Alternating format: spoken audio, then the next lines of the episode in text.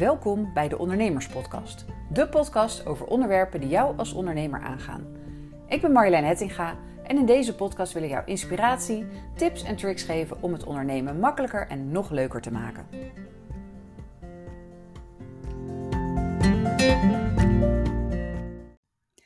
Een tijdje geleden was ik te gast in de podcast Wat je op school had willen leren van Juliette Veteres. Uh, we hadden het over van alles: ondernemen, klanten aantrekken, uitstelgedrag uh, en uit je comfortzone stappen natuurlijk. En uh, uiteindelijk kwamen we ook op onze gezamenlijke passie, namelijk reizen. En dan ook vooral solo reizen. En nou ja, gewoon af en toe is lekker hoe heerlijk het is om er af en toe eens alleen op uit te gaan. Wat ons dat aan inzicht heeft opgeleverd. En ook vooral zelfvertrouwen. Want als er iets uit je comfortzone is, dan is het alleen op reis gaan. Al is het maar een weekendje of een weekje. Um, het werd zo'n leuk gesprek dat ik eigenlijk dacht: van, ja, dit wil ik ook graag met jullie delen. Dus vandaar deze week een iets andere podcast dan je misschien gewend bent. Uh, gewoon de hele aflevering van het interview wat Juliette met mij had. En ik vond het eigenlijk ook wel leuk om eens een keer degene te zijn die geïnterviewd werd, in plaats van degene die altijd vragen stelt. Dus ik hoop dat jij dit ook een hele leuke aflevering vindt. Luister naar het interview van Juliette Veteres met mij over wat ik op school had willen leren. Dat vertel ik jullie zo. Welkom bij de podcast Wat je op school had willen leren. Vaak lopen we in ons leven tegen dingen aan waarvan we denken: had ik dit nou maar op school geleerd? In elke aflevering ga ik in gesprek met experts die hun kennis delen over onderwerpen waarmee je jezelf en je leven naar een hoger niveau kunt krijgen. Nou, welkom in de podcast Marjolein. Leuk dat je te gast wilde komen. En zou je in het kort wat over jezelf kunnen vertellen? Ja, dankjewel Juliette. Uh, en bedankt voor de uitnodiging ook. Uh, ik ben Marjolein Hettinga van uh, de Communicatie Helpdesk. En met mijn bedrijf help ik ondernemers, met name ZZP'ers, die, ehm, ja, die meer klanten willen. En, of meer klanten nodig hebben, komt zelfs ook wel eens op neer. En um, nou, dat doe ik inmiddels alweer ruim tien jaar. En daarnaast heb ik zelf ook een podcast, de Ondernemerspodcast. Dus uh, volgens mij kwamen we zo. Uh, oh ja, ik heb jouw zus een keer daarvoor geïnterviewd. Mm -hmm. En uh, zo kwamen we uiteindelijk ook natuurlijk met elkaar in contact. Dus ik vind het heel leuk om nou bij jou te gast te zijn. Ja, precies. Ben je vaker te gast in podcasten of is dit de eerste keer? nee, wel een paar keer eerder inderdaad. Ja, maar ja. ik vind het ook wel heel leuk. Meestal interview ik andere ondernemers over het algemeen. En het is ook wel leuk om een keer uh, nou ja, geïnterviewd te worden door jou. Ja, dus, ja, ja. ja, ja. En uh, waarom heb je specifieke ondernemers die je uh, in de podcast vraagt? Ja, omdat dat ook mijn doelgroep is voor mijn bedrijf. Mm -hmm. Dus ik richt me echt, echt op ondernemers. Ehm, in het verleden heb ik veel communicatiewerk gedaan, ook wel voor wat organisaties. En nog, daar heb ik er nog een paar van over. Maar ik vind het vooral leuk om met ondernemers te werken. En dan met name die ZZP'ers. Die zijn vaak zo goed in wat ze doen. Maar uh, ja, dat lukt ze niet altijd goed om het te verkopen, laat ik het zo zeggen. En ja. uh, dat was eigenlijk ook wel gelijk waarom ik uh, het idee van jouw podcast heel leuk vind. Van ja, wat had je op school willen leren? Mm -hmm. Ik denk dat daar, uh, nou ja, dat er op school zeg maar, dat, er, dat we een hoop zouden kunnen leren wat je later als ondernemer kan gebruiken. En wat nu eigenlijk niet het geval is. Um, dus ja, ik vind ja, met name die, die ondernemers en die ZZP'ers, die moeten ook alles zelf doen. Weet je, die moeten ook Vaak zijn ze begonnen met het idee van, nou, ik ben heel goed in iets, in, ik kan iets heel goed. En dan komen die klanten vanzelf wel. En dat is vaak niet zo. En dat is dan toch soms een beetje een teleurstelling om dat te ontdekken. Ja. Zo ben ik zelf ook begonnen, heel eerlijk. Ik, uh, nou ja, we waren van tevoren net al, hadden het een beetje over reizen. En uh, ik was uh, een jaar op wereldreis geweest en ik kwam terug, toen kon ik geen baan vinden. En vervolgens dacht ik, nou ja, uh, dan maar plan B. Dan begin ik maar voor mezelf. En uh, nou ja, ik kon wel uh, een aantal dingen goed, met name op het gebied van communicatie en PR. En ik dacht, ja, kom maar op. Ik heb een website laten bouwen, visitekaartjes laten drukken. En ik zat echt ongeveer bij de telefoon te wachten tot hij ging rinkelen. En dat deed hij niet gek genoeg. Mm -hmm. en ik merk dat heel veel ondernemers toch ook die fout een beetje maken. Um, denken dat, het, dat die klanten wel vanzelf op je afkomen. En uh, nou ja, dat is helaas niet zo. Ging het maar zo makkelijk. Ja. Uh, nou ja, dus vandaar dat ik eigenlijk daar, nou ja, in de loop van de, van de afgelopen tien jaar, ik ben begonnen echt met het uitvoerende communicatiewerk, maar ondertussen vind ik het veel leuker om ondernemers te helpen om het zelf te doen. En ze te leren wat ze kunnen doen om die klanten aan te trekken. En uh, ook laat zien dat het niet misschien zo heel moeilijk is als ze van tevoren denken, of eng of spannend. En eh, nou, dat probeer ik een beetje, ja, het vooral makkelijker voor ze te maken. Ja, en wat zouden ondernemers bijvoorbeeld kunnen doen om meer klanten aan te trekken? Stel, ze hebben echt een perfect product en ze zijn er super gepassioneerd en enthousiast over. En uh, ja, ze denken hier ga ik goud meemaken. En ze investeren heel veel geld om dat te laten werken. En zoals je zei, ze wachten en de ja. telefoon rinkelt niet. Ja, wat doe je dan? Nou, een aantal, grappig, een aantal dingen die je zegt. Op zich heel veel geld investeren is leuk als je dat in de goede dingen doet. Als, mhm. als je, ik, ik ben heel erg voor investeren in jezelf. Ook investeren in hulp van, ja, bij dingen die jij zelf niet zo heel goed kan. Uh, maar kijk wel of dat inderdaad uh, je verder gaat helpen. Wees daar ook gewoon kritisch in. Zeker in het begin. Weet je, de omzet komt nog niet binnenrollen. Dus je kan een hoop dingen ook al zelf doen. En je kan ook een hoop dingen doen die niet heel veel hoeven te kosten. Um, je had het over een perfect product. Perfectionisme is een enorme valkuil voor heel veel ondernemers. Alles eerst perfect willen hebben voordat, het, uh, ja, voordat ze überhaupt bijvoorbeeld zichtbaar kunnen worden. Uh, eerst moet hun, hun, product moet helemaal perfect zijn, maar ook hun website of hun LinkedIn profiel of nou, noem maar op. Uh, ik, ik, nou, ik ben zelf heel erg van het netwerken en ik hoor ook wel, ik nodig ook vaak mensen uit bij de verschillende netwerken waar ik lid van ben. En dan bijvoorbeeld startende ondernemers die zeggen wel, ja, maar ik heb nog geen visitekaartjes. Ja, dat vind ik de slechtste reden om nog niks te doen. Weet je, in deze tijd. Je hebt toch helemaal geen visitekaartjes meer nodig. Je hebt toch LinkedIn bijvoorbeeld. En al heb je die niet, weet je wel dan vraag ik ook van, joh, maar als er nu een klant belt, zeg je dan, joh, ik kan jou nog niet helpen, want ik heb nog geen visitekaartjes. Ja, Slaat natuurlijk nergens op. Ik ken ook mensen waarbij een Instagram-page een visitekaart Precies, is. Precies, ja. ja. En jij bent ook een stuk jonger dan ik, dus ik denk voor jouw generatie, voor ons is dat misschien nog iets meer LinkedIn, maar, maar Instagram, als mensen je maar ergens kunnen bereiken, als ze maar ergens contact met je op kunnen nemen. Ja dan kan jij de wereld in, dan kan jij klanten gaan helpen. En de rest komt later wel. En dat is denk ik de, de truc van uh, hoe ga je aan meer klanten komen? Dat is gewoon in actie komen. Dus gewoon dingen gaan doen die je moet doen. En ik snap dat je in het begin nog niet helemaal weet precies misschien wat dat is. Maar vooral uh, ja, jezelf laten zien. En, en op welke manier dan ook. Hè, wat, wat bij je past vooral. Want maakt het jezelf lekker zo makkelijk mogelijk. Maar of dat nou online is, of dat is bij netwerken, of je gaat, uh, weet ik veel, nou ja, uh, je gaat klanten bellen, bijvoorbeeld potentiële klanten bellen. Dat is, ik weet nu dat ik iets zeg wat de meesten verschrikkelijk vinden. Maar weet je, de, als je maar wat gaat doen, en dat is vaak het ding, in actie komen. Dus als je gaat wachten tot alles perfect is, dan, uh, dan gebeurt er niks. Mm. Als jij uh, denkt, ja, ik kan niet gaan netwerken, want ik heb nog geen visitekaartjes. Ja, in de tijd dat je op de drukker wacht, ja. gebeurt er niks. Als je zegt, ja, ik kan nog niet op LinkedIn, want straks gaan mensen naar mijn website en die ziet er nog niet uit. Of die is überhaupt nog niet in de lucht. Dat is ook een slechte reden. Dan kan je wel blijven wachten. Ja. Dus vooral in actie komen. En als je eenmaal in actie komt, dan ontdek je wat er werkt. En dan ontdek je ook wat er niet werkt. En ja, dan gaat het vanzelf, word je er beter in. Ja, precies. Want het klinkt ook een beetje als een excuus Waardoor je niet de weerstand in heeft. Want het is lekker comfortabel om eerst je visitekaartje te maken. En de website perfect te hebben. En om ja, klanten op te bellen. Of misschien te gaan vloggen op Instagram. Of te gaan netwerken. Terwijl je net begint met een bedrijf. Dat is natuurlijk super oncomfortabel. Dus ik kan me ook helemaal voorstellen dat mensen gewoon zoiets hebben van... Ik, uh, ik stel dat even uit en dat komt vanzelf allemaal wel. Ja, het is echt vaak ook wel een vorm van uitstelgedrag, inderdaad. Perfectionisme en uitstelgedrag. Soms is dat ook een beetje hetzelfde. Van zolang je maar aan dingen werkt, dan heb je voor je gevoel ben je wel goed bezig. Dan ben je wel uh, ja, aan je bedrijf aan het werken. En dat zeggen ze toch altijd. Je moet niet alleen in je bedrijf werken, maar ook aan je bedrijf. Dus zolang je maar met dat soort dingen bezig bent, dan ben je heel goed bezig. Mm Maar als dat niet het gewenste resultaat nog oplevert. En dat is niet alleen voor startende ondernemers hoor. Dat geldt ook voor, voor ondernemers die al best wel lang bezig zijn.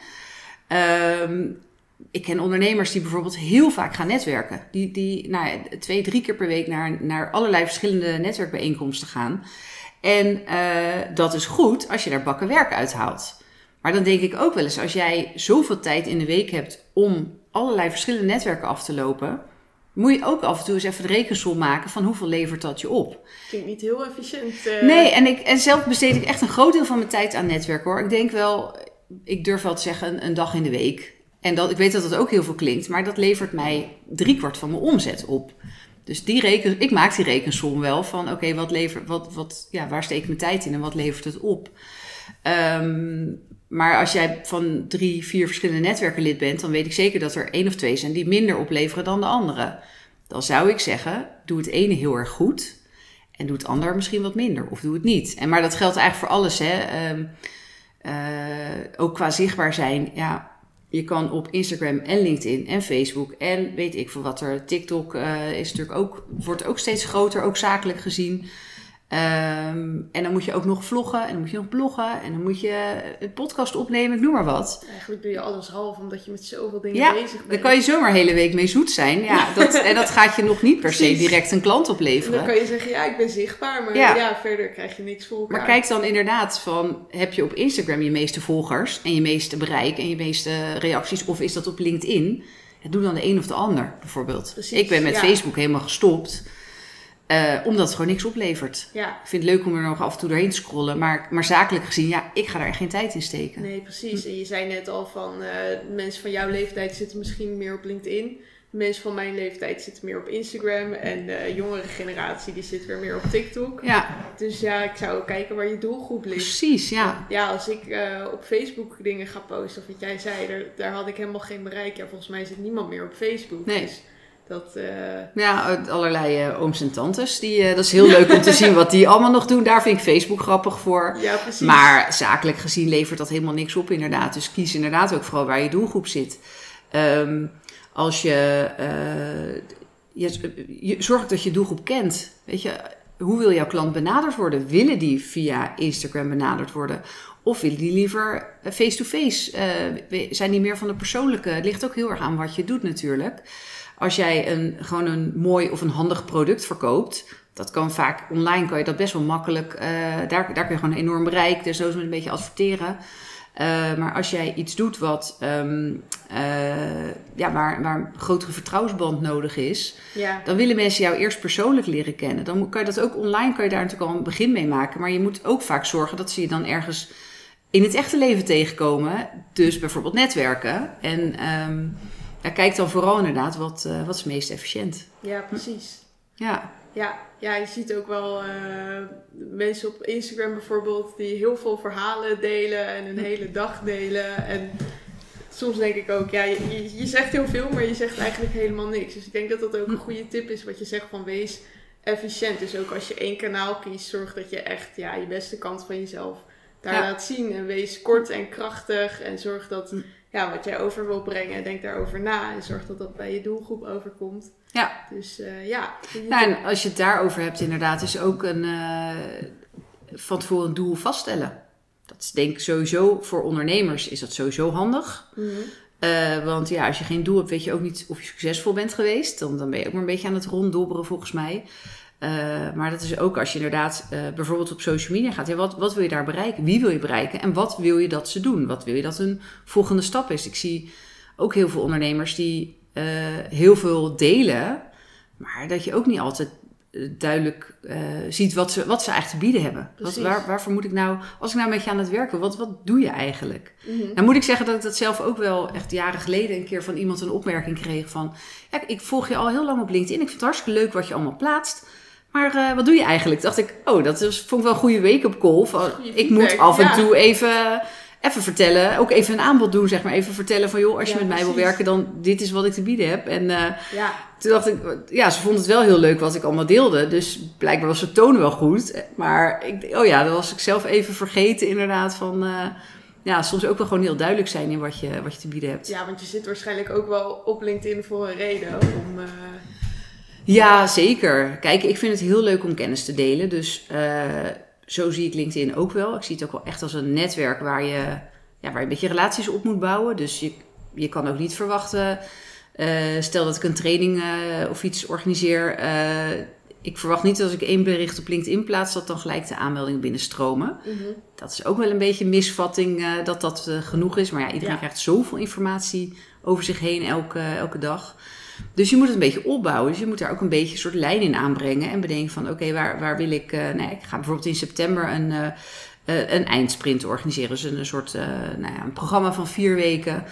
Dan kan ik niet, zeg maar, in de laatste week van augustus even twee berichten plaatsen... en verwachten dat die vol zit. Dat, zo werkt dat natuurlijk niet. Dus dan moet je ook van tevoren bedenken, oké, ik ga daar naartoe werken... Maar ook wel een maand van tevoren. Dan ga ik echt nog niet elke keer zeggen: hé, hey, je kan je nu inschrijven voor die eindsprint. Maar dan ga je alvast berichten plaatsen die een beetje in lijn zijn met dat doel wat je uiteindelijk wil bereiken. Maar ja, zover vooruitkijken, dat doen heel veel ondernemers niet. Nee, dan denk je, oh shit, mijn evenement is over twee weken. Ja, en die zijn soms al lang blij dat ze een beetje inspiratie vinden. Want dat is natuurlijk ook nog iets waar vaak... Uh, ja. Dat wat ze vaak lastig vinden. Van, ja, waar ga ik nu weer eens over hebben? En zitten mensen daarop te wachten? Ja, dat heel erg. Ik, ja. Uh, ik post zelf ook al veel dingen op Instagram. En ik krijg hele positieve reacties. Maar toch heb ik soms in mijn hoofd die stem die zegt van ja, maar wie zit hier nou op te wachten? Waarom ga jij nou weer van alles en nog wat over je dag delen? Wat maakt het nou weer uit? Iedereen leeft toch gewoon zijn leven? En uh, ja, hoe, ja, hoe zou jij daarmee omgaan? Nou ja, ik vind het juist wel grappig dat jij deelt inderdaad best wel persoonlijk, uh, ook vaak inderdaad over je dag, maar ook over je mening, over ja, allerlei onderwerpen die je interessant vindt. Maar nou, laatst was jij eh, op wandelvakantie en dan vond ik het super leuk om jouw wandelavonturen daar te lezen. En dan kunnen mensen denken, ja, maar dat is wel heel, uh, heel persoonlijk, zitten mensen erop te wachten. Ik denk, ja, ik vind het gaaf dat je dat doet. Ik vind het leuk om dat soort verhalen te lezen. Ja. Um, ik denk dat juist ook volgers, of je nou ondernemer bent of niet, maar jouw volgers zijn niet voor niks aangehaakt. Dus die hoeven niet alleen maar droge kost of uh, een paar tips. Of, uh, nee. Weet je, dat, dat vinden ze juist. Ze willen vaak gewoon uh, verhalen lezen van andere mensen. Wat ze zelf misschien ook hadden mee kunnen maken. dus, dus ik denk juist dat persoonlijk dat het heel goed werkt. Ik ben niet zo van. Je moet maar al je problemen en gedoe en uh, persoonlijke shit uh, op, uh, op Instagram of op LinkedIn of waar dan ook delen. Ik, daar, ik zit daar zelf niet op te wachten om het te delen, heel eerlijk gezegd. dus bij mij krijg je ook heus wel een beetje een gecensureerde versie, zeg maar. Maar ik denk wel dat, het, dat die persoonlijke inslag maakt. Dat mensen je gaan volgen en dat ze je blijven volgen. Ja, en dat ze ook er iets mee gaan doen. Ja, want als je alleen maar zegt, ik verkoop dit, ik verkoop dit, ik verkoop dit. Ja, waarom gaan mensen je dan volgen, hm. dan, uh, dan zou ik je heel snel ontvolgen, zeg maar, als je dat twee weken lang elke dag doet. Ja, je ziet heel vaak nog dat stramien van uh, probleem, zeg maar. Herken je dit? Ja. Wij doen dat. En als je dit nodig hebt, bel me. En dan staat er ook nog een telefoonnummer en een mailadres onder. Ja, dat werkt. Dat, dat werkte misschien vijf of tien jaar geleden, maar dat werkt gewoon helemaal niet meer. Dus nu is het meer, je vertelt een verhaaltje ik hoop dat mensen zich geamuseerd hebben als ze het gelezen hebben. En soms staat er onderaan nog een soort call to action van... hey, ik heb ook nog een, uh, een eindsprint of ik organiseer een training... of je kan in mijn programma instappen. Mm dat is dan niet een soort storende boodschap... Waar, een soort reclameboodschap die door het hele bericht zit. Maar ja, ik hoop dat ik ze bij het eerste deel van het bericht al een beetje ja, geïnspireerd heb. Of dat mensen denken dat ze even moesten glimlachen... En als ze daarna nog iets willen, dan komt die call to action ook wel. En, uh, maar ik ga dan niet elke keer mijn telefoonnummer eronder zetten, want ik heb mijn contactgegevens ingevuld. Dus als ze me willen bereiken, dan vinden ze me wel, weet je wel. Dan, ja. Dus ja, dat. Uh, en, en, dan denk ik dat het juist leuk is om een beetje. Ik merk zelf tenminste dat hoe persoonlijker, hoe, ja, hoe meer bereik een bericht krijgt, omdat mensen zich daarin herkennen. En dan gaan ze op reageren natuurlijk. Ja, en uh, zet jij ook vaak persoonlijke berichten op LinkedIn? Ja, ik, ja, eh, maar persoonlijk inderdaad wel enigszins gecensureerd. Dus uh, ik deel geen uh, persoonlijk gedoe in mijn leven of zo. Weet je wel, ik, ja. dat hou ik gewoon, uh, dat, dat deel ik wel met mijn vriendinnen. En, en precies, ja. ja. En, en ook nog wel eens, zeg maar, ik heb in het verleden echt wel eens een paar grote missers gemaakt op zo'n moment heb ik echt geen zin om die met de wereld te delen. Dan, uh, wil ik gewoon in een hoekje gaan zitten huilen. en dan uh, hoeft de rest daar eigenlijk maar. Grappig genoeg heb je vaak een paar jaar later denk je eraan terug en denk ja, ik heb er misschien toch wel wat aan gehad. Of ik heb er wat van geleerd. Of ik heb eens in een heel duur coachingstraject gezeten wat helemaal niks... Uiteindelijk, ik had te weinig onderzoek gedaan. Ik vind ook dat zij zeg maar te weinig nou ja, niet per se had vertel, uh, een goed beeld had gegeven van wat het zou worden. Dus het was een beetje nou ja, verkeerde verwachtingen van uh, misschien van allebei de kanten. En het kostte ook nog eens heel veel geld. Nou, daar heb ik toen echt wel een soort van wakker gelegen van wat een miskoop dat was. En achteraf dacht ik, ja, het heeft me ook wel laten inzien van ik wil zo niet met mijn klanten omgaan. Ik zou ook niet willen dat iemand zo ontevreden bij mij uit een traject kwam. Weet je wel, ik had al ik, ik zou gewoon op een gegeven moment zeggen: joh, dit wordt hem niet. Uh, hier is je geld terug, ook al is een bak met geld. Dan ik heb liever alleen maar tevreden klanten. Dus mhm. ik geef nu ook altijd een niet goed geld terug garantie. Dus ik aan de slag ga met iemand, en dat zijn dan trajecten van een maand of vier, ja, heb ik altijd een maand uh, niet goed geld terug garantie. Als we in de eerste maand erachter komen dat het niet klikt of dat het niet voor je werkt. Joh, dan heb ik, geef ik liever je geld terug en dan uh, nou ja, ben ik er een paar uur aan kwijt geweest. Dat is dan jammer, maar dan heb ik wel iemand ja, die misschien niet een tevreden klant is, maar wel met een goed gevoel gaat stoppen Precies, dan. want Zeg je maar. iemand ook niet met zo'n slecht gevoel achterlaten, zodat jij je geld Plus kan dat zij misschien ook weer eh, van alles over me gaan vertellen. Wat, eh, het is Dat- ook vaak hele slechte reclame natuurlijk. Ja, zeker. Dat Ja. is toch het belangrijkste hoe mensen eh, uiteindelijk over je praten. Ja, dus Ja. achteraf kan ik van zo'n misser, maar dit is jaren geleden inmiddels. Achteraf moet ik er een beetje, nou nog steeds niet helemaal op lachen, maar denk ik wel van ja, ik heb wel ontdekt eh, hoe ik het niet wil. En dat is misschien ook wel waardevol. En joh, Precies, zoiets neem je ja. weer mee. En uiteindelijk. eh, dus, dus nee, dus ik ben wel, ik probeer wel altijd een beetje persoonlijke ja, ervaringen te delen, maar vooral om het herkenbaar te maken. Ja, En eh, weet je ook, ik deel ook niet heel veel over, weet ik, familie of vrienden of, of over mijn vriend of zo, weet je wel. Dat heel af en toe komt iets in een verhaal voor. ja. Maar dat, dus, dus het is wel meer, ik, ja, anderen hebben niet erom gevraagd, zeg maar. Dus vandaar nee, dat ik... misschien eh, willen zij helemaal niet dat dat Nee, daarom. Dus dat. eh, ja. dus, dus, en, en ik deel ook wel ervaringen van klanten, maar dan niet herkenbaar. Dus niet eh, die en die zei dat en dat, of weet je, dat, dat hoor ik ook nog wel eens, maar. Of dat, dus dat lees ik wel eens en dat kan hoor, dat is prima, maar dan moet je even toestemming vragen. Maar ik denk ja, als een, een van mijn klanten een bepaalde vraag heeft of ergens tegenaan loopt, dan, ehm, dan hebben tien andere ondernemers ook diezelfde vragen wel. Dus ik hoef het niet per se over die ene persoon te hebben. ja. Om hier wel een soort algemeen beeld, zeg maar. Eh, te iedereen waardevol Ja, precies. Ja. Ik heb wel eens dat klanten zeggen van, ja, ik herken mezelf erin. En denk ik, ja, en jij, jij en tien anderen waarschijnlijk.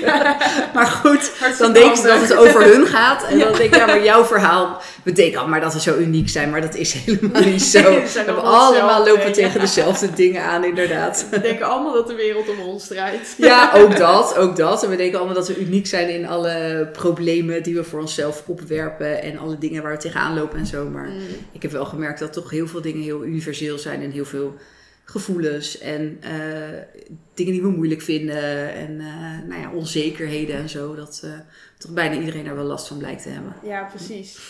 Ja, en ik, ik zit nog even terugkomend op dat stukje van persoonlijke verhalen delen op Instagram, maar niet al je shit op Instagram dumpen. En ik zie dat soms een beetje als je emoties dan zeg maar, ja, even dumpen op Instagram. Dat, of, of LinkedIn of Facebook, waar je dan ook ja, je verhalen deelt. Dat, zou, dat wil ik ook helemaal niet, want dat, dat helpt. Ik vraag mezelf ook altijd af van ja, wat wil ik nou overbrengen aan de mensen met wie ik dit deel? Wat, ja, welke boodschap wil ik ze meegeven? Ja. En ja, Waar hebben ze ook wat aan? maar ja, hebben ze hier wat aan dat ik eh, ga zeggen wat er allemaal misgaat met mijn leven? Maar aan de andere kant wil ik wel weer een realistisch beeld geven van mijn Hm. leven. Dus ik heb vroeger eh, wel eens gehad dat ik dan op Instagram ging kijken en dan zag ik allemaal mensen die op vakantie waren en die aan het feesten waren en die een super leven hadden. En dan zat ik soms gewoon een beetje op de bank te chillen en dat was prima. Maar dan zag ik dat op Instagram en dan dacht ik ineens van, oh ja, wat doe ik nou met mijn leven? En Had jij ook het gevoel dat je dat leven bank. moest gaan eh, leiden? Ja, en dan had ik ineens hele erge FOMO. Dus ik had ook wel een soort behoefte eraan dat mensen wat realistischer waren over hun leven. En niet alleen maar de hoogtepunten van hun leven delen. Ehm, dus ik zit daar soms ook wel over na te denken. Van ja, ga ik nou alleen maar de hele leuke dingen delen uit mijn leven? Of ga ik ook de minder leuke dingen delen? Of hoe, eh, ja, hoe ga ik dat insteken? Want ik hoor soms ook wel van mensen van, oh, die me volgen van... Oh ja, je hebt zo'n leuk leven en het lijkt altijd makkelijk te gaan bij jou. En dan denk ik ook, ja, dat is gewoon helemaal niet waar. Ik heb ook zo mijn struggles en mijn uitdagingen Ja. en dat soort dingen en zo. Dus eh, ja, ik zit daar soms ook wel over na te denken van hoe ga ik dat delen zonder dat het echt te emotioneel en te persoonlijk wordt. Ja, het is ook wel een beetje best wel een lastige balans, denk ik inderdaad. Ehm, ik denk sowieso dat iedereen zich moet beseffen, voor zover dat nog niet doet, dat, dat iedereen een soort beste versie van zichzelf op, eh, op social media plaatst. En voor een deel denk ik ook dat het dat juist het, ehm, eh, ja, de, het leuke om iemand te volgen met wie het zo goed gaat, of die, die leuke dingen onderneemt, of eh, weet je, dat is ook omdat je een beetje al soort nou ja, soms misschien daar naartoe wil groeien. Dat je denkt van, hé, hey, zo'n leven wil ik ook. Als ik, eh, weet je, ik heb vroeger best wel veel gereisd en soms gaat het nog een beetje kriebelen. Dan vind ik het heerlijk om bij andere reisverhalen te lezen bijvoorbeeld. Niet dat ik dan dat het gevoel geeft alsof ik zelf op reis ben, maar het is wel even, met je gedachten ben je weer even zo op een eigen reis bijvoorbeeld. Ja, of, ehm, eh, even kijken, waar wilde ik nu naartoe met mijn antwoord? Ja, dus, dus ehm, en wat wat ook met die balans misschien te maken heeft, dat uh, je kan dingen, je kan zeg maar al je ellende op, op je socials gooien. En, en een soort van dag tot dag verslag van nou vandaag voel ik me rot en dan, dan moet, dat, moet ik dat vertellen. En morgen voel ik me heel goed en dan moet ik dat vertellen. Weet je, het hoeft niet een soort, het is niet een soort live dagboek of zo wat je bij moet houden. Um, dus ik denk dat je daar wel een beetje balans. Ik denk dat mensen liever ook gewoon wel vooral leuke dingen willen, willen lezen. En vaak dingen die uh, gebeurd zijn of die niet zo goed gingen of zo, dat daar, die zou je meer als een soort les kunnen brengen. Weet je, dus als mensen er iets van kunnen leren, vinden ze het ook best wel leuk om over jouw missers te lezen, bijvoorbeeld. Um, maar ik zie ook wel eens ondernemers die uh, uh, heel erg dan al hun onzekerheden en al hun, alles wat niet zo goed gaat. En met name, eigenlijk misschien is dat als je dan, ja, al je onzekerheden. Ik denk als ondernemer, uh, dat is ook een beetje mijn doelgroep. Dus het geldt als je gewoon meer particulier, zeg maar, post op social media, is het ook wel weer anders. Dan deel je misschien ook meer voor je, voor je vrienden en je familie bijvoorbeeld. Maar ondernemers die heel veel negativiteit delen, ik denk niet dat mensen daar graag mee willen samenwerken. Dus je moet wel jezelf zijn, maar PR-technisch is het denk ik niet zo handig om, om zo'n plaatje van jezelf te schetsen. Uiteindelijk denk ik dat je toch moet nadenken van wat, wat willen mijn klanten van mij zien? Kijk, als ik een misser deel van vijf jaar geleden die me heel veel geld heeft gekost, daar kunnen nu misschien mensen van leren van doe even iets meer onderzoek voordat je 5000 euro gaat investeren. Mhm. Want ik was toen een soort van oh wauw, dat wil ik, hup. En ik heb nog echt soort mijn best gedaan om in dat programma te komen. Ik had even gewoon die oogkleppen af moeten doen. En eerst even moeten bedenken, is dit precies wat ik wil? Is dit wat ik nodig heb? Maar, nou goed, ik ben daar soort wel te blind in. Dus, dus dat kan nu misschien voor anderen een les zijn van... Als je 5000 euro wil investeren, mag hè. Dus ik vind het helemaal op zich, nu, nu vind ik het helemaal niet meer zo'n gek bedrag. Maar bedenk wel even, waar ga je het in investeren? En, en ga je inderdaad heel snel dat terugverdienen? Is dat realistisch wat er beloofd wordt? Dat, dus, dus mijn misser van toen, daar kan ik nu misschien een les voor anderen laten zijn. En ook om te kijken of het wel bij jou past. Want misschien kan je in theorie wel die 5000 euro terugverdienen, maar... Ja, als dat met een activiteit is dat jou totaal niet ligt. Of waar je gewoon ja, van een coach waar je misschien bent. Ja, Of een coach waar je helemaal eigenlijk niet een klik mee hebt. Weet je, een soort kan die met anderen misschien hele mooie resultaten geboekt hebben. Maar ja, de vraag is het dan of dat met jou ook lukt. Ja, precies. Dus, dat, dus, dus als je ja, altijd maar negativiteit delen. Weet je, wat ik ook wel, waar ik me nog een beetje aan stoor, is dat heel veel, uh, met name online business coaches of een beetje die in die hoek zitten, dat het ook vaak lijkt of je iets heel ergs meegemaakt moet hebben in je leven. Weet je, dus het altijd of een moeilijke jeugd, of een erge ziekte, of een. Uh, weet ik veel, ouders die vroeger overleden zijn. Of jong uh, alleenstaande moeder geworden. Er, er lijkt altijd zo'n soort dramatisch live event nodig te zijn. Om dan later heel veel succes te hebben. Maar dat is niet per se nodig. Weet je wel? Dus dat kan nog wel eens de indruk wekken van... oh, ik moet nu ook een, een moeilijk iets ja, delen. Als mij het makkelijk afgaat allemaal, dan, dan, dan klopt het niet of zo. Uh, ja. Of dan gaat het niet lukken, of dan kan ik niet succesvol worden. Want mijn leven heeft niet genoeg diepgang, want ik heb dat niet meegemaakt. Dan heb ik geen verhaal te vertellen. Ja, dat is helemaal niet waar. Elke ondernemer heeft een elk mens heeft gewoon een goed verhaal te vertellen. Mm. Uh, maar het betekent niet, weet je, ik, ik heb wel eens ook weer jaren geleden in zo'n ook bij een of andere evenement gezeten. En toen gingen we mediteren. Dat was al niet helemaal wat voor mij. Ehm, maar dat hele, die hele groep, met, waren allemaal vrouwen dan toevallig. Bijna iedereen had daar heel veel issues die al in het eerste rondje mediteren allemaal soort oh, één groot tranen dan. Ik zat er echt zo. Nou, ik heb een hele leuke jeugd gehad. Ik heb hele fijne ouders. Ik heb echt ik had een heel gezellig gezin, weet je. Ik heb helemaal geen moeder-issues. ik zat daar een beetje... Oké, het is een ander groepje, weet je. Maar dan kan je ook wel... Het is ook weer lang geleden, dus toen zat ik iets anders nog misschien uh, in de wedstrijd. Maar toen dacht ik, hmm, wat heb ik nou... Uh, weet je, dan kan je echt wel denken van... Oh, ja, ik heb helemaal niks te vertellen. Ik heb niks meegemaakt. En als je niks moeilijks hebt meegemaakt, kan je dan wel groeien. En dat is onzin. Dat, dat, is, dat is helemaal niet nodig. Het is best wel lekker toch, als je hoort dat iedereen om je heen allemaal shit heeft meegemaakt. Ja, nu denk ik, nou, ik ben blij dat ik wel nou, aardig door mijn jeugd gefietst ben, inderdaad. Ja. Gelukkig heb je niks te vertellen. en, en misschien, wat, wat, ik, wat ik later ook wel besefte, is dat natuurlijk heb ik ook dingen meegemaakt. En het was ook heus niet altijd fantastisch, maar ik heb het wel achter me gelaten. Weet je wel, dat, dat, dat speelt niet meer zo door nu in mijn leven, waardoor het zo'n grote invloed heeft dat ik dat ik, daar, dat ik het nodig vind om daarover te gaan posten of zo. Ik wou net zeggen, ik denk dat mensen zich ook heel vaak vasthouden aan het verhaal van ja, vroeger is mij dit overkomen en dan ja, zijn ze misschien eh, twintig jaar verder en dan zitten ze nog steeds met dat probleem van Ja. hun jeugd. En dan herhalen ze dat verhaal in hun hoofd. En zo hou je het voor jezelf ook heel erg levend. Want ja, ik heb ook wel minder leuke dingen meegemaakt in mijn leven. Maar ik ben er echt niet eh, vandaag de dag nog steeds mee bezig van... Oh, dit is me allemaal overkomen. En, en, Dan blijft het ja, zo'n last in de rest van je leven, inderdaad. Ja, en ik denk Ja. dat het je dan heel erg tegen gaat houden in bepaalde dingen. Ja, je, Ja, je kan je moeder ook altijd wel de schuld geven van alles wat er niet goed is gegaan. Maar ergens moet je besluiten, ik ben volwassen en ik ga nu ervoor kiezen om mijn eigen keuzes te maken. En ja, precies. Je moeder trekt niet meer aan de touwtjes. Nee, precies. Nee, dat hoeft niet meer. Hè. Dat, dat doet ze wel als je dat toelaat. Ja, Maar, maar dat, dat is misschien ook inderdaad dan wel een verschil. Dat ik ook gewoon dacht, ja, nee, ja, ik heb wel dingen meegemaakt. Maar ja, dat heb ik allemaal ver achter me gelaten. En ja. ja, ik ben meer van de leuke dingen onthouden dan de slechte dingen onthouden. Dus denk En- ik ook een stukje verantwoordelijkheid nemen voor je Hm. eigen leven. Ja, precies. Ja. Ja, Nou ja, dat is ook wel weer inderdaad misschien terug naar die, naar die ondernemers. Dat, dat, dat jouw eerste vraag was van ja, hoe, hoe doe je dat aan nieuwe klanten komen? Ja, dat is ook die verantwoordelijkheid pakken daarvoor. Gewoon zelf de touwtjes in handen nemen inderdaad. En eh, eh, niet je te veel laten weerhouden door, door onzekerheden. En door, oh, wat zullen ze wel van me vinden? En eh, straks vinden ze me een drammer. En straks vinden ze me een opdringerige verkoper. Mm. Ik hoor ondernemers zeggen, ja, maar ik wil niet zo'n verkoper zijn. Ja, je bent ondernemer, je moet verkoper zijn. Want anders heb je gewoon een, een dure hobby die heel veel tijd kost. ja. En dat is ook een beetje zonde. Kan je beter gewoon wat anders gaan doen. Maar ja, ja. Ja, en ik, ik, ik zat ook te denken, je zei net ook van ja, we zijn eigenlijk allemaal hetzelfde. Dus Hm. alle succesvolle ondernemers, die hebben precies dezelfde stappen Ja. moeten maken als die jij Hm. zal moeten maken. En die hebben precies die emoties ook ervaren die jij nu ervaart.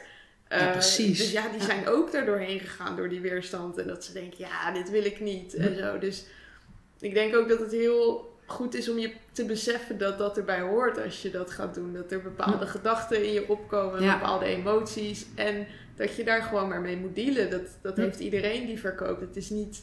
Ik denk dat er niemand is die begonnen is met verkopen en die dacht, nou, dit is leuk en dit is makkelijk. En, eh, nee. Er zijn misschien een paar mensen ooit in de geschiedenis geweest die, een, die het gat in de markt hadden gevonden. En die een uitvinding hebben gedaan waar ze gelijk heel rijk mee geworden zijn. Ja. Maar die zijn denk ik wel op een paar handen te tellen. De meeste ondernemers die heel succesvol zijn, en dat vergeten we nog wel eens. Je ziet nu al die glimmende plaatjes op hun socials. Mm. En gouden bergen. En het gaat allemaal fantastisch. En, en de miljoenen stromen binnen en ze worden ongeveer slapend rijk. Nou, ik geloof daar gewoon niet in. Die hebben ook een moment gehad dat ze moesten beginnen. En die moesten ook een keer aan hun eerste klant komen. En die hebben waarschijnlijk ook al die onzekerheden gehad. En ik ben daar echt wel van overtuigd dat als je nu heel succesvol bent, heb je ergens in het verleden gewoon ook heel hard moeten werken. Ja. Heb je gewoon heel veel uren moeten maken. Heb je gewoon misschien wel rotklussen aan moeten nemen. Alleen het verschil is met, met die hele succesvolle ondernemers en degenen die dat nog niet zo zijn, is zij hebben wel ervoor gekozen om gewoon wel die dingen te doen. Dus die eerste klant opbellen is natuurlijk doodeng. Eh, je eerste offerte maken is misschien best wel spannend. En is heel makkelijk om daarna te denken: ja, ik ga ze niet nabellen, want ze hebben mijn nummer toch. Maar je weet dat je gewoon te grote stapel verdwijnt. Dus die hebben er wel voor gekozen om die offertes na te bellen. Of die hebben er wel voor gekozen om gewoon heel veel zichtbaar te zijn op LinkedIn. eh, of op andere manieren, of heel veel te gaan netwerken. Weet je, die hebben gewoon dingen gedaan die ze misschien wel een beetje spannend vonden aan het begin. Maar ze hebben gedacht, nou, ik ga het gewoon doen. En vervolgens hebben ze ontdekt dat het helemaal niet zo spannend is. Dat, dat je eigenlijk vooral alleen maar leuke reacties krijgt van mensen als je, als je zichtbaar wordt. En, ehm, en dat het uiteindelijk ook wat gaat opleveren. Ja. Want dat is gewoon de truc. Als, als jij meer klanten wil, moeten meer mensen weten dat je bestaat. Eigenlijk is het, het is niks meer dan dat. Ja, dus het klinkt eigenlijk best wel simpel. Ja. Van ja, kom in actie, ga gewoon die stappen Ja. ondernemen.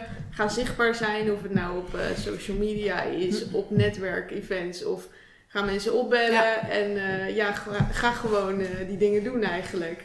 Ja, ja, dat is, ja, nou, ik- het is ook geen rocket science wat ik verkoop hoor. Nee. Het is, eh, nee, dat, dat is wel goed samengevat. Ik denk dat wel een ehm één stap nog ontbreekt die eigenlijk vaak vergeten wordt. Je hebt nou ja, in de marketing no like trust. Daar heeft iedereen vast wel eens van gehoord. Mensen moeten je eerst kennen, ze moeten je een beetje leuk vinden, je moet een beetje gunfactor krijgen en ze moeten je gaan vertrouwen voordat ze bij je gaan kopen. Nou, die stappen, die fases worden doorlopen. Ik denk dat daar nog één fase en één stap ontbreekt. Dat is namelijk dat je gewoon af en toe een aanbod moet doen. Dat jij naar jouw klant toe moet gaan in plaats van achteroverleunen en eh, wachten tot ze je leuk vinden en je vertrouwen. Want mensen zijn niet zo met jou bezig. Mensen, vroeger ging dat echt wel makkelijker, daar ben ik wel van overtuigd. Toen was de wereld nog wat kleiner. Uh, maar nu is er zoveel aanbod. Er is, mensen krijgen zoveel informatie op een dag dat uiteindelijk moet jij vaak wel die laatste stap naar die klant toe zetten. Dus als jij een offerte hebt gemaakt, kan je zitten wachten tot ze jou terugbellen. 9 van de 10 keer doen ze dat niet. Mm als jij zelf ze gaat bellen, dan, dan moeten ze op dat moment een beetje een keuze gaan maken. Van, nou, vind ik het wel interessant? Wil ik er nog een keer over praten? Ja. Uh, of zeg ik gewoon keihard nee. En als je nee hebt, is dat ook prima. Dan weet je gewoon, dit traject is nu even afgesloten. Op naar de volgende. Maar anders blijft het maar zo'n los eindje wat ook maar in je hoofd blijft uh, malen, zeg maar.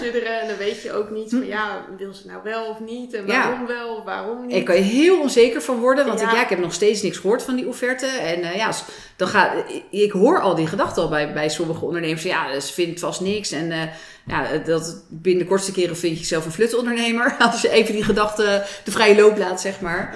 Terwijl vaak als je dan zo'n offerte na gaat bellen, dan zeggen ze: Oh, wat leuk dat je belt. Nou, hartstikke goed. Uh, soms zeggen ik moet er nog even over nadenken. Of weet je, dan kan je ook het gesprek weer openen van: Goh, wat, waar moet je nog over nadenken? Wat, Precies. Wat kan ik je nog vertellen om de keuze makkelijker te maken? Ik ja, wat. het is ook weer een contactmoment. Om misschien dat iemand die Precies. offerte gekregen ja. en die dacht: Nou, ik laat hem even liggen en het komt wel. En ik merk zelf dat ik heel vaak uh, geïnspireerd ben door allemaal verschillende dingen. En dan ga hm. ik allemaal mailtjes sturen en dingen aanvragen. En dan krijg ik twintig mails in mijn mailbox. En dan, uh, uiteindelijk doe ik er helemaal niks meer mee. Nee, die, die liggen er maar. En, en heel vaak vragen mensen inderdaad bijvoorbeeld meerdere offertes op grote kans als jij gaat bellen dat jij de enige bent die de offertes nabelt. Want dit is iets wat heel algemeen uh, niet gedaan wordt, zeg maar. Precies. En degene die belt, dat is toch dan vaak degene die, die weer even onder de aandacht is. En de kans is heel groot dat ze dan voor jou kiezen. Ja, en ik merk ook vaak als ik dit soort aanvragen doe. En uh, ja, dan kan het product nog zo leuk zijn.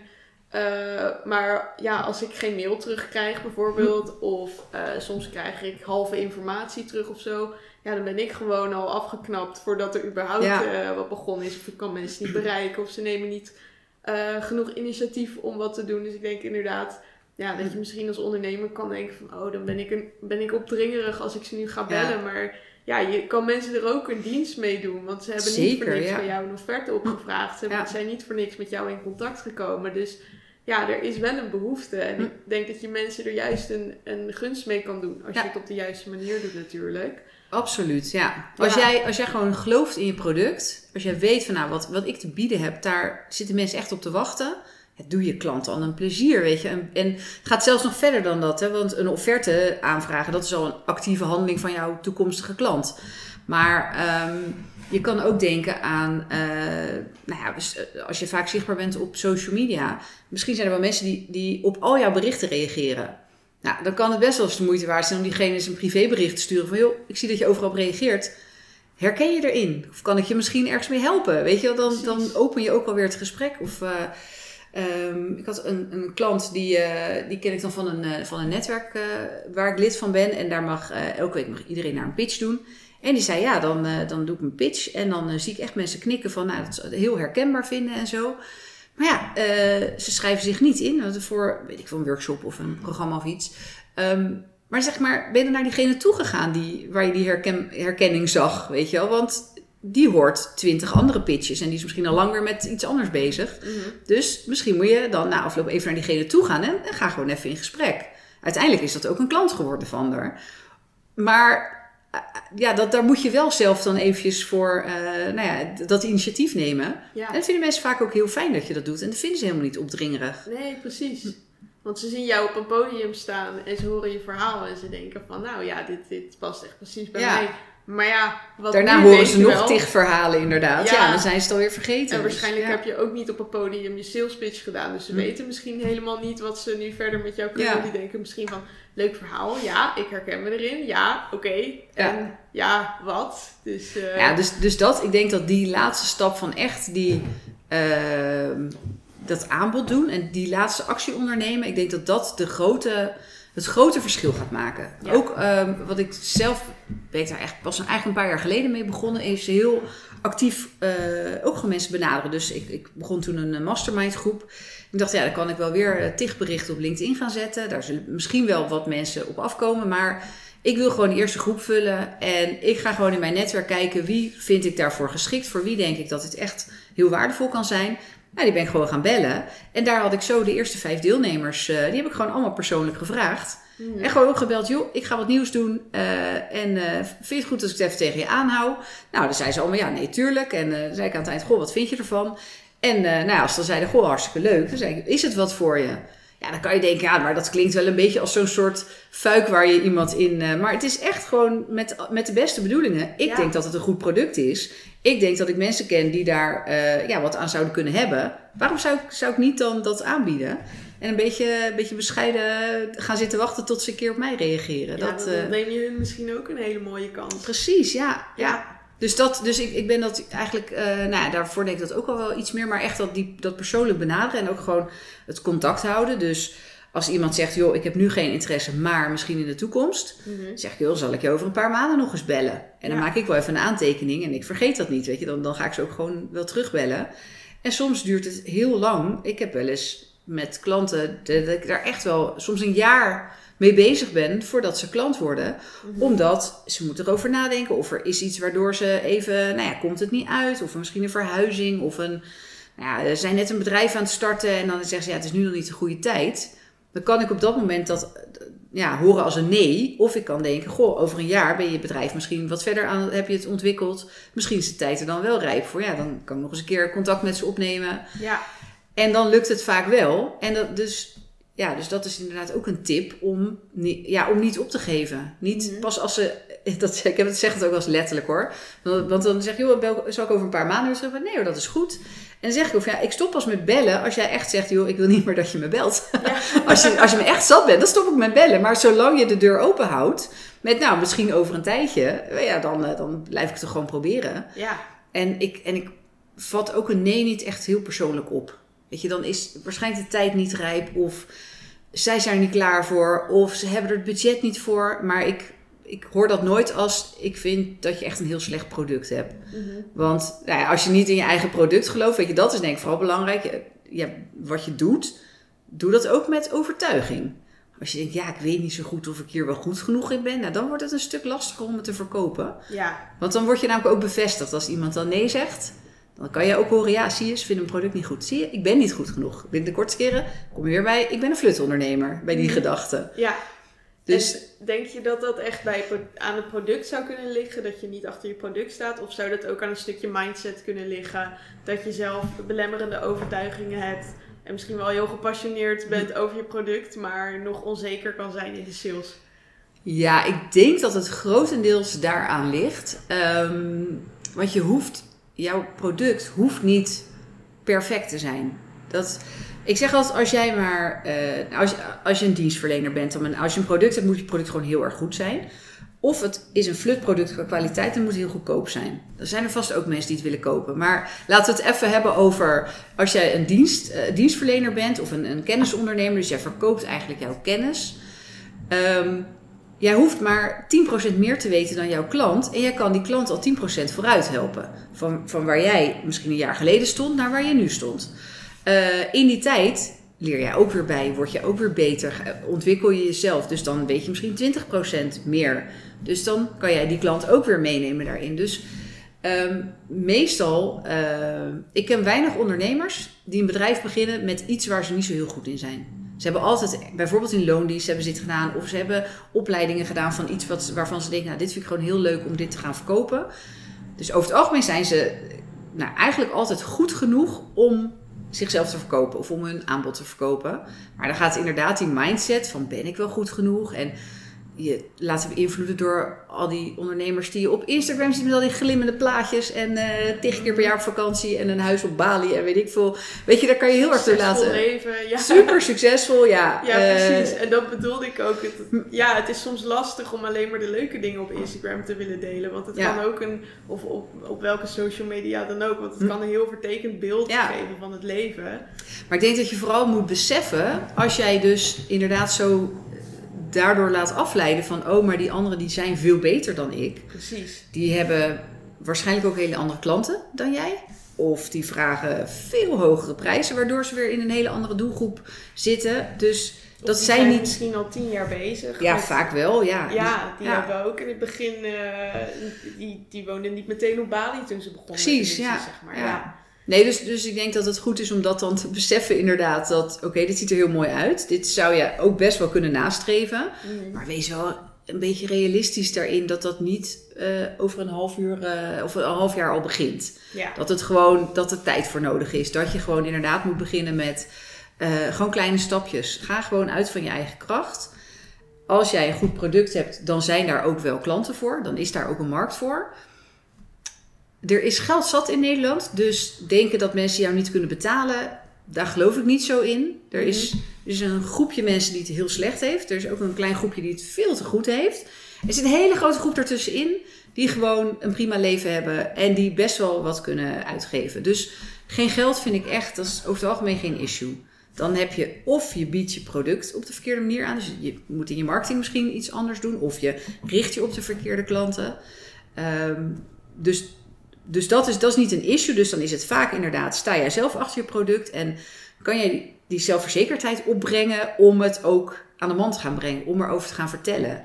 En dat is inderdaad heel vaak mindset en overtuigingen. En oh, de, daar, dat, dat zouden ze op school eens moeten leren, inderdaad. Ja, Gewoon die zelfverzekerdheid van. En ik was vroeger ook heel verlegen, hè, dus ik had ook graag een lesje zelfverzekerdheid op school gehad. Niemand gelooft dat nu meer als ik dat vertel. Mhm. Maar als kind en als tiener, joh, ik durfde helemaal niks. En eh, nou, ik heb daar echt wel op een gegeven moment bewust voor gekozen. Omdat ik dacht, ja, ik ben niet de persoon die ik eigenlijk zou willen zijn. Omdat dat hield me zo erg tegen in wat ik deed. Dat ik daar wel echt voor besloten heb van ja, dit, dit kan zo niet langer. Ik moet gewoon, ik, ja, ik moet gewoon, het, het moet anders. Ja, En dat was hartstikke moeilijk. ja maar want op school leren ze juist van... Tenminste, ik denk dat ze het liefste eh, stille leerlingen hebben... Ja. die hun hand opsteken als ze vragen hebben... en vooral niet te brutaal zijn. Dus daar had ik Ja. het gevoel dat het heel erg afgeleerd werd. kinderen die vragen worden overgeslagen. Precies. Hoge bomen vangen veel wind. Onze hele taal zit vol met Ja, allemaal van dit soort opmerkingen of, of, of gezegdes inderdaad. Ja. Je hoofd niet boven het maaiveld. geprogrammeerd ja, ja. ja. En ik, eh, ik heb het zelf ook. Ik was vroeger best wel een verlegen kind. En ik ben nu steeds meer aan het oefenen met brutaal zijn. En gewoon vragen wat ik wil. En ik zie dat, eh, dat ik steeds meer voor elkaar krijg op deze manier. En dat het veel leuker is. En dat je mensen er helemaal niet mee tot last bent. Door dat Precies, te doen. ja. Ja, Nou ja, dat is het enige gezegde wat dus wel waar is. Brutale mensen hebben de halve wereld. ja, En, en, en er is nog een verschil tussen brutaal en respectloos. Ik vind dat, dat kinderen best geleerd mag worden om even je hand op te steken voordat je wat door de klas schreeuwt. Mhm. Lijkt me, sowieso moet ik er niet aan denken om voor de klas te staan. Maar dat, dat lijkt me echt wel een uitdaging. eh 30 van die koters eh, ja, eh, in het gareel houden. Maar vooral dat zelfvertrouwen, dat is zo. eh, nou ja, je hoort nu natuurlijk ook allemaal verhalen over hoeveel druk er ligt op kinderen en op jongeren. En eh, nou ja, sinds corona is dat blijkbaar veel meer nog duidelijker geworden. Ehm, maar als je nou al kinderen wat meer, wat, wat meer zelfvertrouwen kan leren en wat, wat, als je wat zelfverzekerder door die schooltijd heen komt en Mhm. ook leert dat je, nou ja, waar, waar je dan later ook wat, ja, da- daar ga je gewoon, of je nou ondernemer wordt of niet, maar het is gewoon handig als je wat, wat meer zelfvertrouwen hebt. ja, En ik denk dat het daar veel mensen aan ontbreekt, omdat we zo opgevoed zijn van doe maar normaal, dan doe je al gek genoeg. En Ja. dat is zo, eh, ja, zo zonde. En dat, dat zeker als ondernemer helpt dat je niet. Doe maar niet zoals de rest, want dan val je gewoon niet op. Mhm. En jouw brutale concurrent gaat er dan met jouw klanten vandoor. Inderdaad, ja. En hoe heb jij het zelf aangepakt om... eh, ja, je zei dat je vroeger wat stiller was. Ja. En eh, nu, ja, je zei niet brutaler worden, maar... Nee, nou, dat is misschien dat is wel een grappig verhaal. Want het, ehm, toen ik eh, van de middelbare school afkwam, toen eh, was ik net 17. En toen ben ik een jaar naar Amerika gegaan. Ik heb een jaar high school daar gedaan. En eh, dat was. Eigenlijk paste dat helemaal niet bij mijn karakter van toen. Ik, alleen, nou ja, ik had dat bedacht. ehm, eigenlijk vanaf dat ik in de brugklas zat, gingen al mensen vragen: Goh, wat ga je later doen? En toen dacht ik: Weet ik veel. Ik zit net in de brugklas. Ik moet nog minstens eh, vijf jaar naar school. Dus. eh, nou ja, geen idee, maar ik keek ook in die tijd best wel veel eh, tv en veel van die Amerikaanse series. En ik dacht, ik ga naar Amerika. Leek me fantastisch. Ik zag echt zo'n soort, nou ja, Beverly Hills 90210, dat was mijn, ik weet niet of jij dat kent, maar dat was toen mijn favoriete programma. En ik zag me helemaal een soort daar leven. Dus ik riep eigenlijk gewoon vanaf de brugklas, ik ga naar Amerika. En toen, nou ja, een paar jaar later, eh, kwam dat moment steeds dichterbij dat ik eh, klaar zou zijn met school. En toen dacht ik, ja, ik heb nu al jaren geroepen. Nou moet ik eigenlijk ook. Maar ik durfde natuurlijk helemaal niet, want ik was veel te verlegen. Mhm. Maar ja, mijn ouders zeiden ook, joh, als jij dat wil, dat vinden we helemaal goed. En uh, nou, ze wilden het zelfs ook nog betalen. Oh, en jee, ik had echt zoiets, had, had maar gezegd dat ik niet mocht, weet je wel. Ja, Daar hoopte ik eigenlijk meer op. Ja. Maar mijn ouders zeiden, nee, we vinden het prima als je gaat. En eh, hartstikke leuk voor je. Maar je moet het wel allemaal zelf regelen.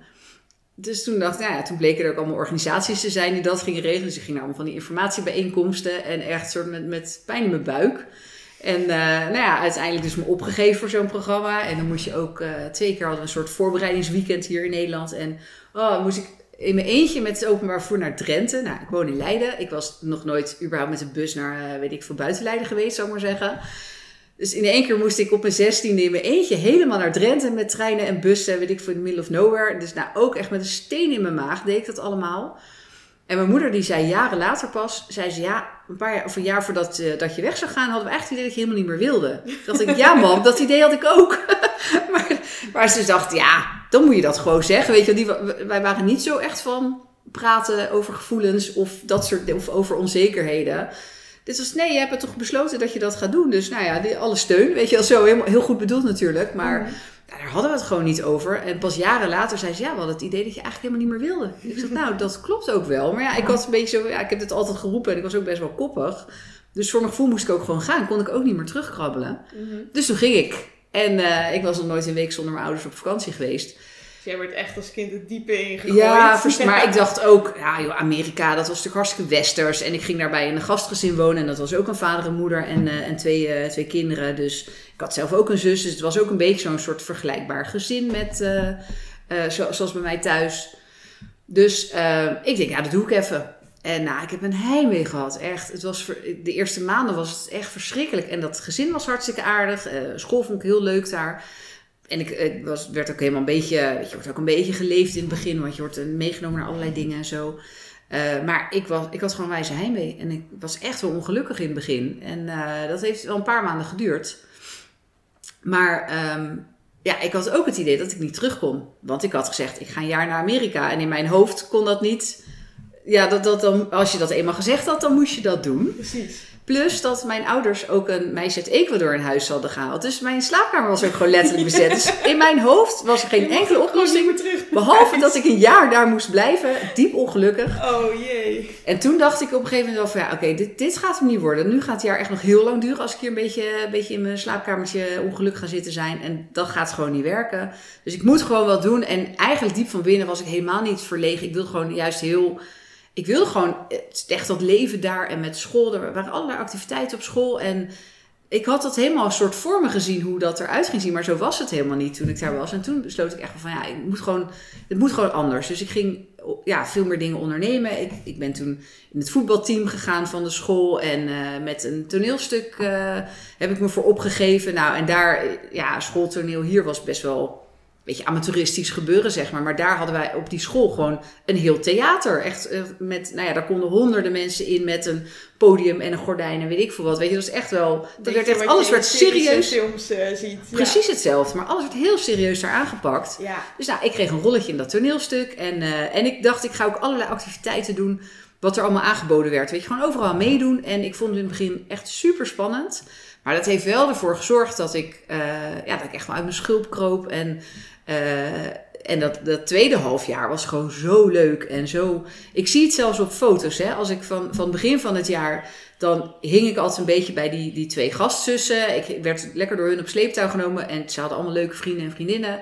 Maar ik zie wel op die foto's dat ik er wel zo'n beetje bij hing, zeg maar. Het was waarschijnlijk niet jouw leven. Nee, niet. En het, he- allemaal hele aardige mensen, maar niet Ja. per se mijn type vrienden, wat ik zelf zou uitkiezen. Ja. En als ik dan naar foto's van het eind van het jaar kijk, dan sta ik overal midden. Dus zo'n hele groep met vrienden en een en al lol. En aan het eind van het jaar wilde ik eigenlijk ook helemaal niet naar huis, want ik had zo naar mijn zin daar dat ik, dat ik vond ook echt erg dat het jaar voorbij was. ja. Dus Oh, dat was leuk. compleet anders. En daar ben ik wel echt heel anders teruggekomen. En dat, dat heeft, nog wel, het heeft nog wel een paar jaar ook weer geduurd voor ja, dat ik steeds wel meer durfde. Maar door die ervaring denk ik wel van ja, ik kan gewoon alles. Dat, dat- gewoon alles wat ik niet durf, kan ik gewoon toch doen. Weet je wel, dat heeft me zoveel, zo ja, laten groeien eigenlijk. Ja. Als ik dat niet toen had gedaan dat jaar, dan was ik ook nooit ondernemer geworden. Ik nu ergens een hele saaie kantoorbaan in een of ander grijs kantoortje gehad of zo. Oh, En, eh, nee. ja, dat lijkt me nu verschrikkelijk. Maar dan was ik waarschijnlijk ook wel gelukkig geweest hoor. Maar Precies. ik ben wel blij Een dat het ander anders gelopen is. Ja. Nou daarna ben ik ook nog, uh, nou, we hadden het net al over, uh, ook op wereldreis gaan. Ja, gewoon alleen, prima. Mhm. En ooit een keer naar Australië gegaan uh, samen met een vriendin. En na een half jaar ging zij naar huis en dacht ik, ja, ik ben hier nog helemaal niet klaar. Ik vind het fantastisch. Ik wil gewoon nooit meer naar huis. Nou ja, ik wil in ieder geval nog wat langer blijven. Ja, toen moest ik opeens alleen verder. En dat was ook prima. En dat komt wel omdat ik daarvoor ooit nou, wel een beetje uit mijn schuld was gekropen. Dus dat heeft zoveel invloed gehad. Achteraf, hè, dat zie ik pas nu 25 jaar later, zeg maar. Wat het allemaal mee heeft opgeleverd. Maar dat is echt wel veel. Ja, ja ik denk sowieso dat reizen echt uh, een boost kan geven aan je zelfvertrouwen. Zo, ja, zeker. Ja, ik ben eigenlijk bijna altijd alleen aan het reizen. Dus um, ik vond het ook super spannend in het begin. Hm. Maar ik denk dat alleen uh, een reis doen, of het nou aan de andere kant van de wereld is, of dat je een weekendje naar België in je eentje gaat, dat kan zo goed helpen bij je zelfvertrouwen. Zeker. Want je moet, je moet in je eentje op pad. Nou, dat hm. is al super spannend. Je moet alles in je eentje regelen: van vliegtickets, hm. treintickets, verblijf, vervoer. En ja, dan ben je daar in je eentje in een stad helemaal uit je comfortabele wereldje.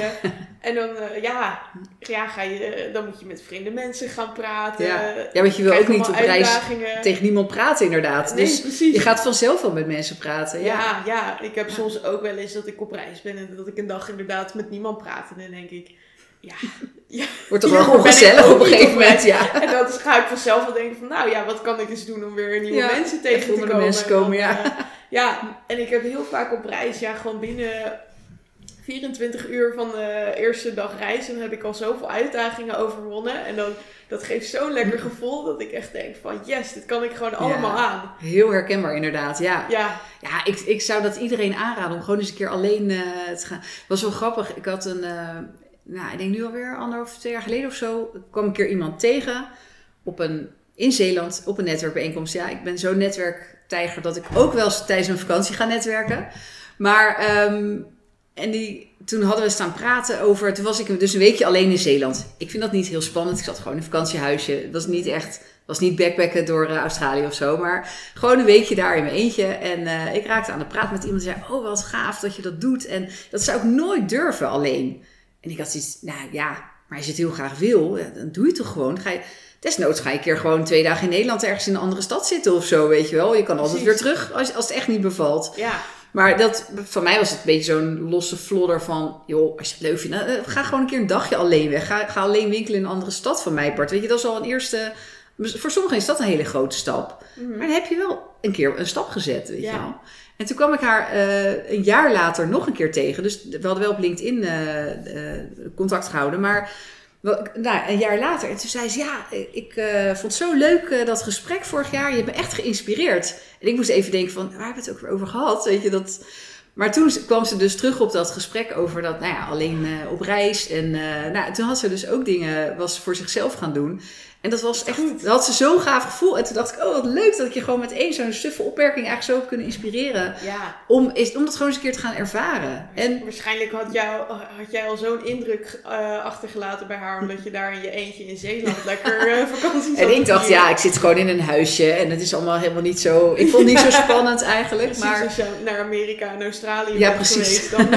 Misschien is mijn perspectief ook iets anders geworden daardoor inderdaad. En, uh, ja. Want dat verbaast me nog steeds wel. Ja, weet je, je hebt ook veel gereisd en dan heb je heel veel herkenning in, in mekaars verhalen. En dan Absoluut, praat ik wel eens met anderen en denk ik, oh ja, maar jullie zijn nog nooit, je bent nog nooit alleen, weet ik veel, of ja, iets, iets spannends gedaan. En dat is niet erg, hè? Dat het hoeft, het past ook helemaal niet bij iedereen.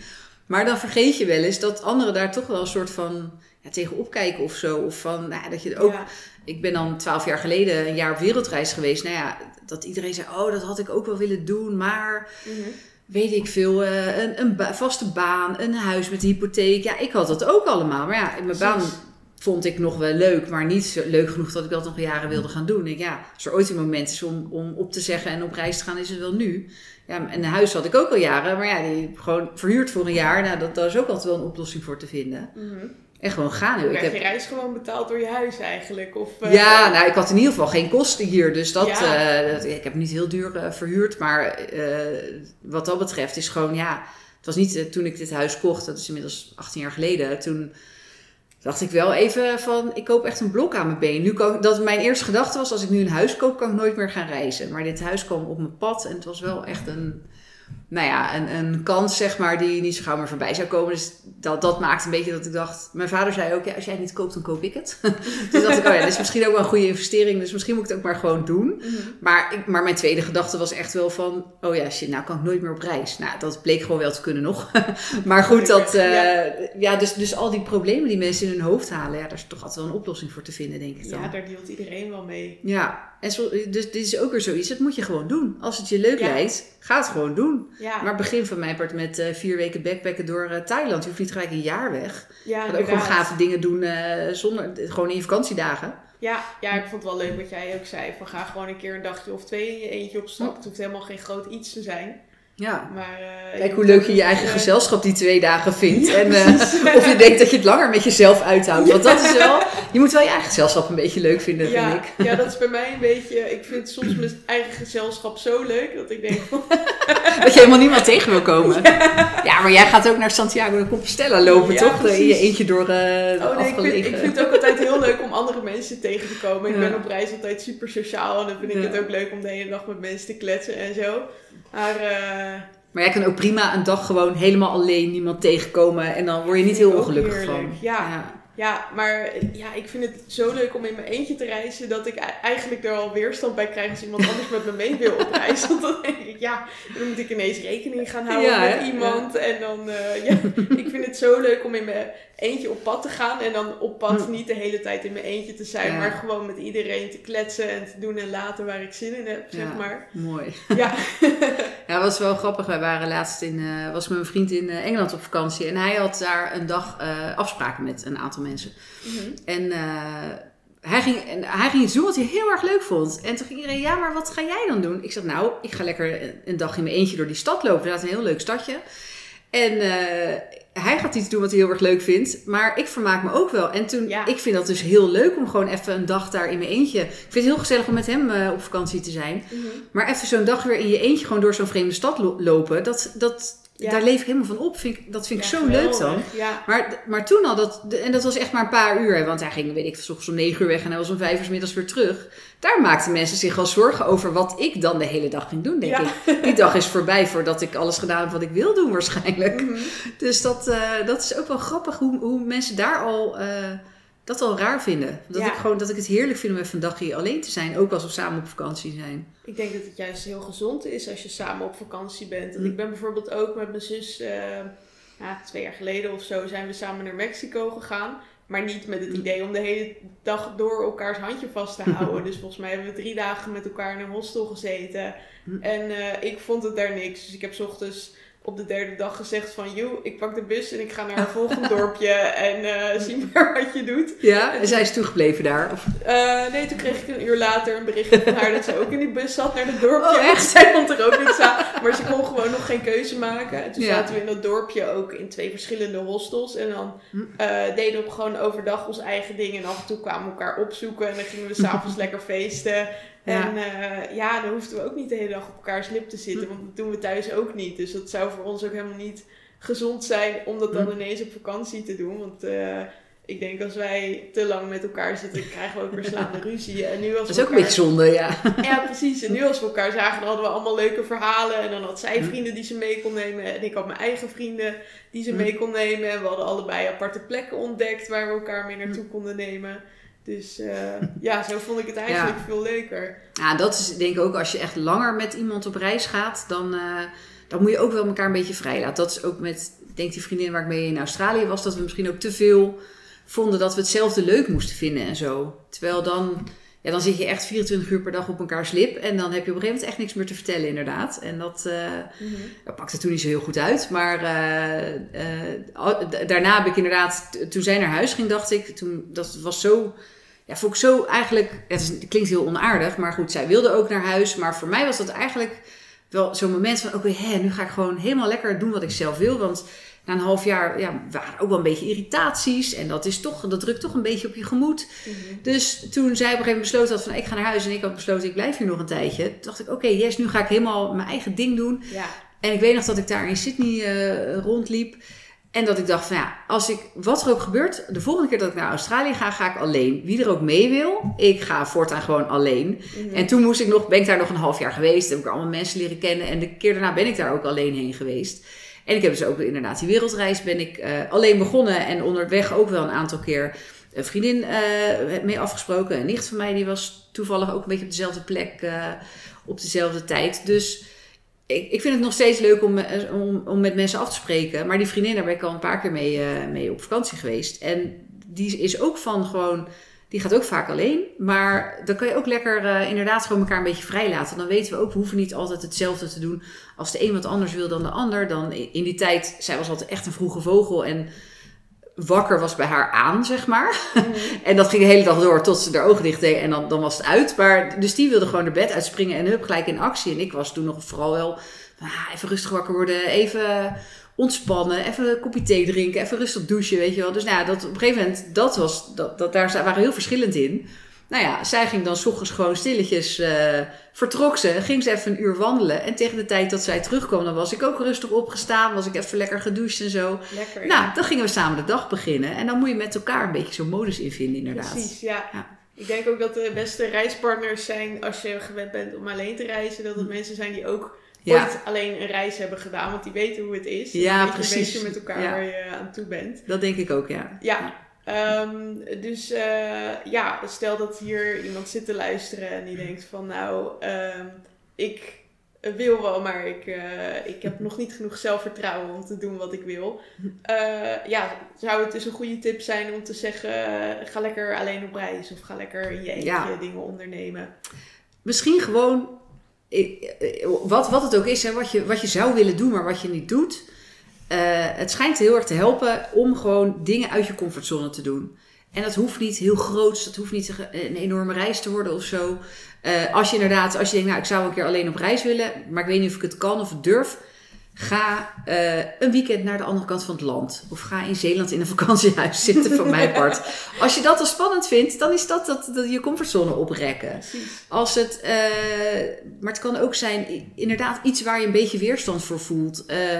Ik weet dat jouw zus, maar jij doet volgens mij ook de ijsbaden, toch? Ja, Ja, ik denk dat ik moet er niet aan denken, maar dat kan wel iets zijn van, ah, oké, dat is ook weer een uitdaging. weet je, dus dat kan ook weer iets. drempels Ja. overkomen om elke keer dat ijsbad weer in te stappen. Ja, maar Ja. ik zwem heel graag in zee. Tot eind oktober heb ik het vorig jaar volgehouden. Mhm. Ja, dat is ook. Dan zie je iedereen in zijn winterjas rondlopen. Dan denk je, ja, Precies. ben ik hier nou, sta ik hier in mijn bikini eh, een beetje een duik in zee te nemen. Ja, En na, na acht of tien minuten denk ik, ja, ik moet er nu uit, want ik voel eh, mijn ledematen niet meer. Dat zijn allemaal dingen. Dat wat je, ik vind dat heel lekker om dat soort dingen af en toe te doen. Dus af en toe even iets doen wat, wat je nog niet, niet hebt gedaan. Of wat je een beetje spannend vindt. Mhm. Ehm, maar dat kan ook zijn als ondernemer dat je, dat je wel eens een keer naar een netwerk gaat, bijvoorbeeld. Dat je netwerk heel eng vindt. Ik weet dat 80% van de ondernemers vindt dat helemaal niks. Maar ga gewoon een keer. Weet je, wat is het ergste wat je kan gebeuren?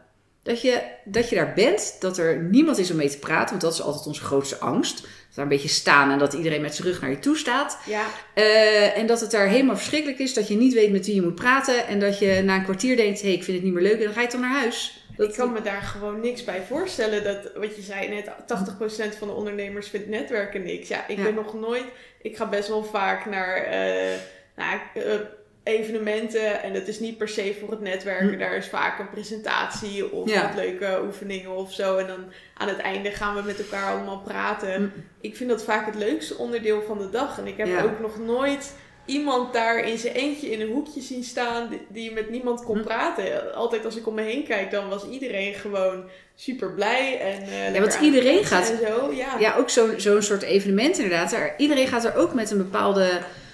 Oeh, ken ik daar wel iemand? Ook misschien een beetje spannend. Precies. Weet je, nou, jij vindt volgens mij... Ben je ook gewoon zo'n kletskous die altijd wel met iedereen aan de praat raakt. Maar Ja, als je ik dat niet soms ook zo... wel spannend. Ik Ja. heb soms ook nog wel dat ik dan door groepjes heen loop en iedereen... Ja, je weet niet zo goed wat je kan verwachten ik, misschien. Ja, Ja, precies. En ik ga er dan soms gewoon maar bij staan en dan zeg ik... Hi, ik kom even luisteren, ik ben Juliette. En dan, Ja. eh, ja, Meer is toch meestal niet nodig? precies. Dan, en zeker als je ook uitspreekt van... joh, ik ben hier voor het eerst, ik ken hier niemand. Mag ik er even bij komen staan? Weet je wel, dan...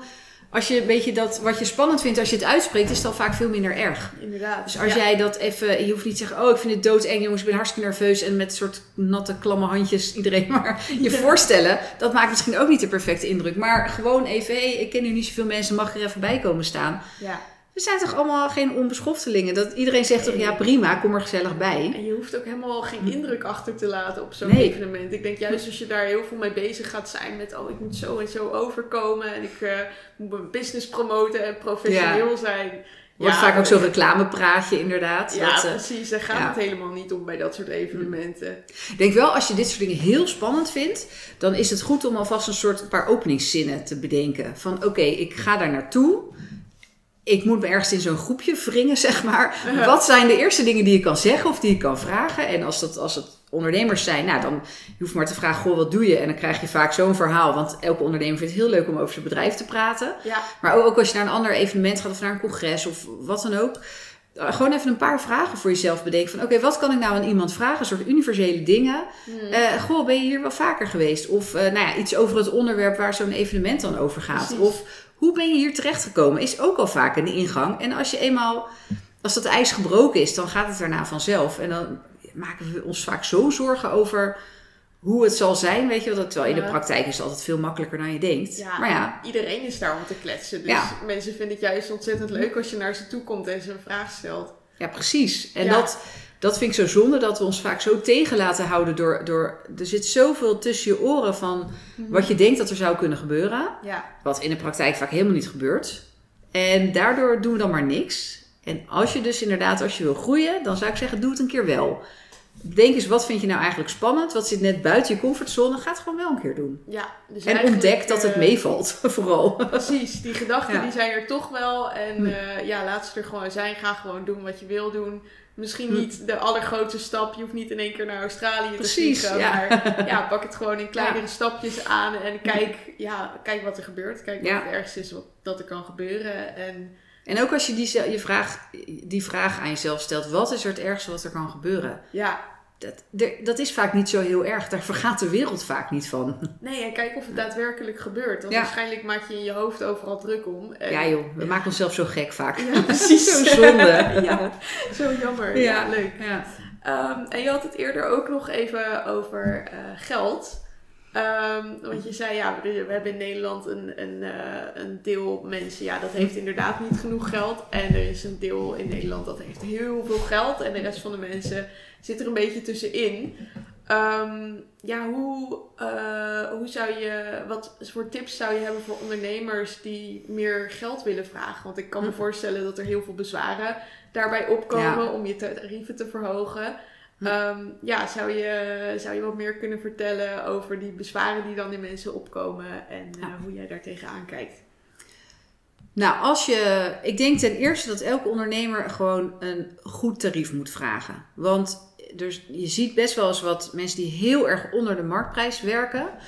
Eh, mensen in de bouw bijvoorbeeld voor 25 euro per uur. Als ondernemer kan je daar niet van leven. Want daar kan je niet al je last van betalen. Dus zorg dat je gewoon een, een marktconform, in minimaal een marktconform tarief vraagt. Dus daar begint het al mee. Gewoon, eh, en, en dat- je tarief kan je op allerlei manieren bedenken. En je kan ook van alles bij elkaar googelen van wat vragen mijn concurrenten. Dus dat, daar, dat zou al een uitgangspunt kunnen zijn. Ehm, als jij je tarief wil verhogen, dan denk ik dat je vooral moet kijken van... ehm, is dat het waard wat ik te bieden heb? Eh, ik weet dat het advies van heel veel business coaches is: als jij je omzet wil verdubbelen, moet je gewoon je tarief verdubbelen. Daar geloof ik niet in. Als jij nu al moeite hebt om je product te verkopen voor je huidige tarief, wordt het nog veel moeilijker om, dat, om het duurder te maken en het dan nog te verkopen. Dus eh, daar geloof ik niet zo in. Ik denk als jij, eh, als jij een goed product hebt, moet je dat eerst gaan verkopen. Of een, een goed aanbod en een goede dienst.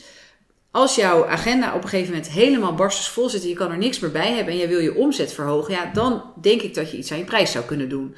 Als er heel veel vraag is, dat, is- de marktwerking. Als er heel veel vraag is naar jou, jouw dienst, ja, dan willen mensen er vast ook meer voor betalen. Dan verlies je misschien een paar klanten, maar per saldo ga je evenveel nog verdienen. En daarna ga je ook meer verdienen, omdat je gewoon je tarief wat hoger eh, doet.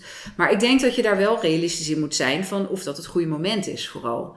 En, dat, en, en als jij nu nog helemaal niet zo heel veel omzet hebt, omdat je gewoon het heel lastig vindt om jouw product te verkopen. Ja, ga er maar aan staan om het dan voor de dubbele prijs eh, te verkopen. Dat gaat gewoon niet lukken. Ja. Dus laat ik iedereen daar uit die droom helpen.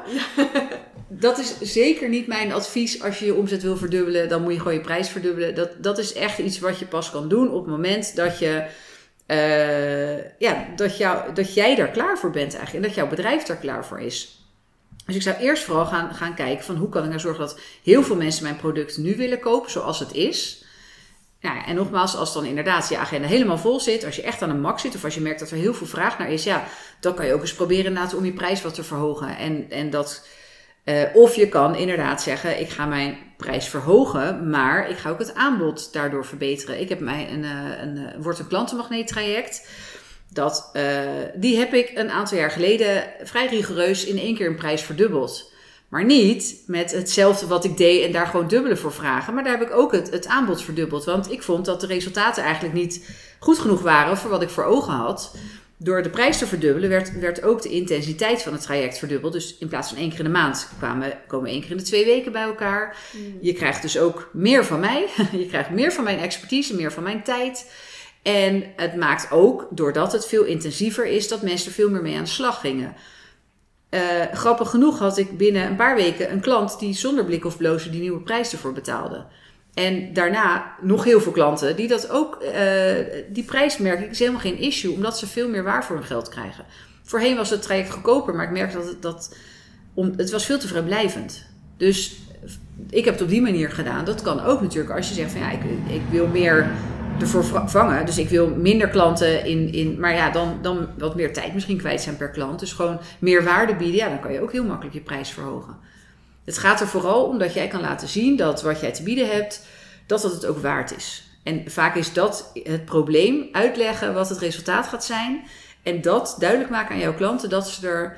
eh, kijk, als het een zakelijke dienst is, ondernemers maken voor zichzelf vaak gewoon die afweging van: ik, ik investeer eh, een x bedrag, gaat het me minimaal factor 2, 3, 10 opleveren in de komende tijd? Eh, als je meer aan bijvoorbeeld een particuliere levert, ja, dan moeten ze ook, het, ze moeten het ervoor over hebben. Eh, je moet ook niet van jezelf dan gaan denken van, oh, wat ik bied is wel heel erg duur. Als jij een traject aanbiedt wat bijvoorbeeld 1000 euro is en jij hebt zelf het gevoel van, zo, 1000 euro is wel veel geld, Mhm. dat is jouw mindset.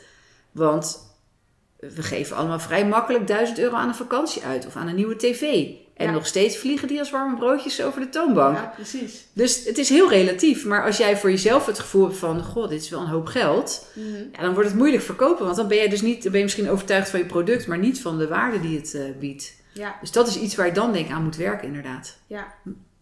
Ja, en ehm, eh, hoe zou je als ondernemer, stel dat je ergens wil, in wil investeren, om, eh, ja, hoe zou je dan kunnen afwegen of die prijs juist voor, voor jou is, of dat product juist voor jou is?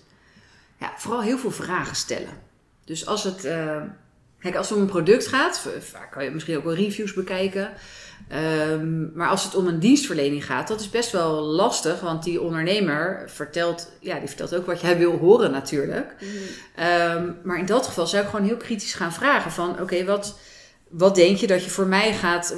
Ja, wat, je mij gaat bieden? Dus wat, wat gaan we doen? En wat gaat het mij opleveren? En dan liefst heel concreet. En goh, ik denk dat je misschien wel dat of dat zou kunnen bereiken. Vind ik wel heel veel misschiens in één zin, zeg maar. Vaag, ja. Ja, dat is, de, ja, dat is allemaal een soort eh, eh, hopen op, eh, op een toevallig resultaat. Maar als het goed is, kan iemand zeggen: Nou, als wij dit gaan doen, dan, dan ga je dat en dat. En ik, ik ga ook niet, als mensen bij mijn traject doen, kan ik niet letterlijk zeggen hoe ze dat terug gaan verdienen. Hè? Maar ik kan wel aangeven. Als jij, eh, we gaan bepaalde actiepunten bijvoorbeeld bedenken. Ja, als je niks doet, gaat er niks veranderen. Dat, die garantie kan ik je wel geven. Maar als jij met, aan de slag gaat met wat wij met elkaar bedenken en het plan dat we maken, ja, dan weet ik zeker dat je dat gaat terugverdienen. Dat, dat kan ik namelijk zien bij al mijn klanten die dit traject hebben gedaan. Degenen die er echt mee aan de slag zijn gegaan, die hebben, sommigen hebben hun omzet verdubbeld, sommigen hebben eh, echt eh, nou ja, veel meer bereikt eigenlijk dan ze verwacht hadden. En dat is dan nog binnen het traject. Dat is de tijd dat ik met ze een beetje meekijk, zeg maar. Ja.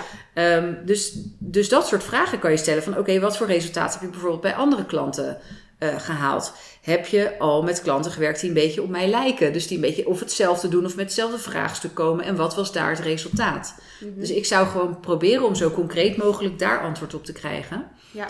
En ehm, als het gaat om iets van dienstverlening of coaching of dat soort dingen, ehm, dan is het denk ik ook belangrijk dat je een klik hebt met diegene.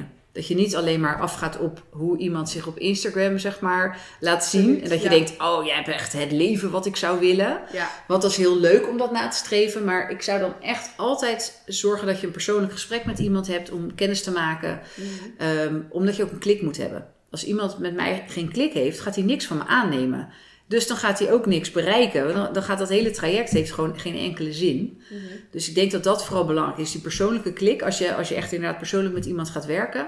Maar ook gewoon vragen van, joh, wat, wat heb je tot nu toe bereikt? Wat, eh, ja. Ja. wat, wat, wat denk je, wat kan je inschatten dat het me gaat opleveren? Ja, ja, dat vind ik een hele goeie. Want je ziet online echt ja, cursussen vanaf 20 euro tot aan coachingstrajecten van Ja, 15.000 euro en misschien nog wel meer. En ik denk Hm. dat heel veel mensen eh, ja, best wel kunnen schrikken van dat soort prijzen. Ja. Denken van jeetje, wat is dat duur? En, eh, Ja, hoe en- durf je dat te vragen? Precies. Maar als diegene kan laten zien, joh, eh, al mijn klanten betalen 15.000 euro. Maar ze verdienen, weet ik veel, 100.000 euro terug als ze mijn traject hebben gevolgd. Is het een hele goede investering, toch? Ja, en Maar- dan mag je dat ook Ja. gewoon vragen als ondernemer, denk ik.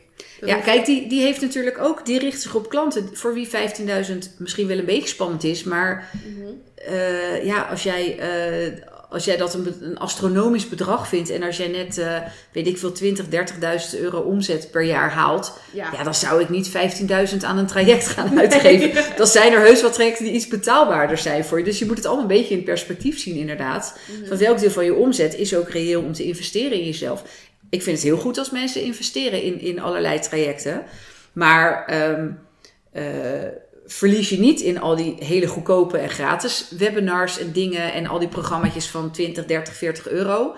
Die kunnen hartstikke nuttig zijn, maar vaak ga je daar niet zo van in actie komen. Je volgt een webinar, je denkt, oh, dit was leuk. En je gaat door met de orde van de dag en daarna ben je weer vergeten. Je moet iets wel in de praktijk brengen. Dus een traject waarbij iemand jou persoonlijk begeleidt, is denk ik wel vaak efficiënter. Maar ja, daar, daar zit weer een beetje, ja, zo'n online product, dat kost die ondernemer een beetje tijd om het te maken. En daarna eh, is het inderdaad slapend rijk worden. Mhm. Dus eh, ja, als jij een persoonlijk traject, een één op één traject met iemand wil, of, of een mastermind groep of zo, noem maar op. Dan, ja, daar zitten daar kosten aan. Want dan, heb je de- dan koop je ook de tijd van, die, eh, van die, diegene die het aanbiedt. Precies. Dus dan mag je verwachten dat het iets meer kost dan dat. Maar Ja. er zijn zoveel, inderdaad, er is zo'n groot aanbod. Ja, kijk vooral wat, wat bij je past. En ja, trek ook niet gelijk de grote schoenen aan, denk ik dan. Want dat, dat zijn van die investeringen. Ja, eh, Ja, Ik weet niet denkt, of- Ik geef er heel veel geld aan uit, dus het Ja. zal me vast ook wel heel veel opleveren. dat is niet altijd het geval. En Nee. misschien ben, jij, ben je er nog niet klaar voor. Precies. Dus dat, als, het, als, je, als het inderdaad de helft van je jaaromzet is, zou ik het gewoon niet doen. dan, moet je even, dan moet je even een stapje terug. Dan, dan zijn er ook trajecten die, eh, die beter passen bij je. En misschien Ja, kan je wel over een paar jaar naar die. Precies. Daar naartoe misschien groeien, ligt dat maar. traject ook nog helemaal niet op jouw level van, van zijn en van dingen. Meestal niet, nee. Ja. nee. Kijk, dat, ik snap wel. Het is, dat is ook weer iets van een beetje uit je comfortzone. Soms is het ook wel. eh, kan het wel nuttig zijn om inderdaad daar. ehm, nou ja, net ietsje meer dan dat je misschien dat, dat comfortabel voor je voelt uitgeven. Maar dit is vaak dan wel weer een, een te grote stap. Het is niet, niet automatisch als je. eh, hoe meer je uitgeeft, hoe meer je terugverdient. Want je moet er echt wel zelf mee aan de slag. Maar ik heb ook wel eens klanten die eh, eh, eigenlijk, eigenlijk maar niet kunnen betalen. Maar die zeggen van ja, ik, ik moet gewoon meer klanten. Het gaat gewoon niet zo lekker. Het gaat niet wat ik ervan verwacht had. Maar ik kom zelf niet verder. En die dan, eh, nou ja, soms heb ik daar, zij hebben echt wel een paar gesprekken daarover. Van dan zeggen ze, ja, ik wil eigenlijk wel, maar ik heb, ik heb het budget er niet voor. En dan, ehm, ja, dan is het een beetje, wordt het een beetje een kip-en-ei verhaal natuurlijk. Want ze hebben mij nodig om aan meer klanten te komen, maar ze hebben eigenlijk meer klanten nodig om mij te kunnen betalen. Ja. Ja, ik ben altijd blij als mensen daar wel eerlijk over zijn en dat durven zeggen. Want dan kunnen we ook kijken of er misschien iets, weet je, misschien een betalingsregeling kan, kan afspreken of zo. En zo kan je zelf natuurlijk ook denken van, als ik iets heel graag wil, maar ik heb er eigenlijk het geld niet voor, is dit inderdaad een goede keuze? Ja, als je iets heel graag wil, dan, moet je, dan kan je het ook voor elkaar krijgen. Inderdaad. Dan moet je gaan bedenken, wat kan ik doen om het wel te laten lukken? Ja. Wat kan ik misschien nu voor rotklussen aannemen om, Ja. om dat geld bij me. Als ik heel graag iets wil doen, al kost het kan 10k. ik het geld bij elkaar ja. krijgen? Ja, je, als je echt iets graag wil, dan lukt het. Daar ben ik van precies. overtuigd. In plaats van dat je Ja. denkt van ja, ik kan dit niet betalen. Dat je gaat kijken van ja, hoe krijg je Hoe, hoe kan het wel? Dat, die vraag wel, kan je beter aan jezelf stellen, inderdaad. Ja, Ja, precies. Ja, Hm. ik heb bijvoorbeeld wel eens van een andere coach eh, gehoord. Die vraagt ook in de tienduizenden euro's. Vraagt ze Hm. volgens mij... eh, Ja. Ehm, ja, dat soort bedragen vraagt zij voor het traject. En er kwam iemand bij haar en die eh, zei inderdaad dat ze het niet kon betalen. Maar die wou het zo graag dat ze eh, het uiteindelijk voor elkaar heeft gekregen om dat bedrag bij elkaar te krijgen. Ja.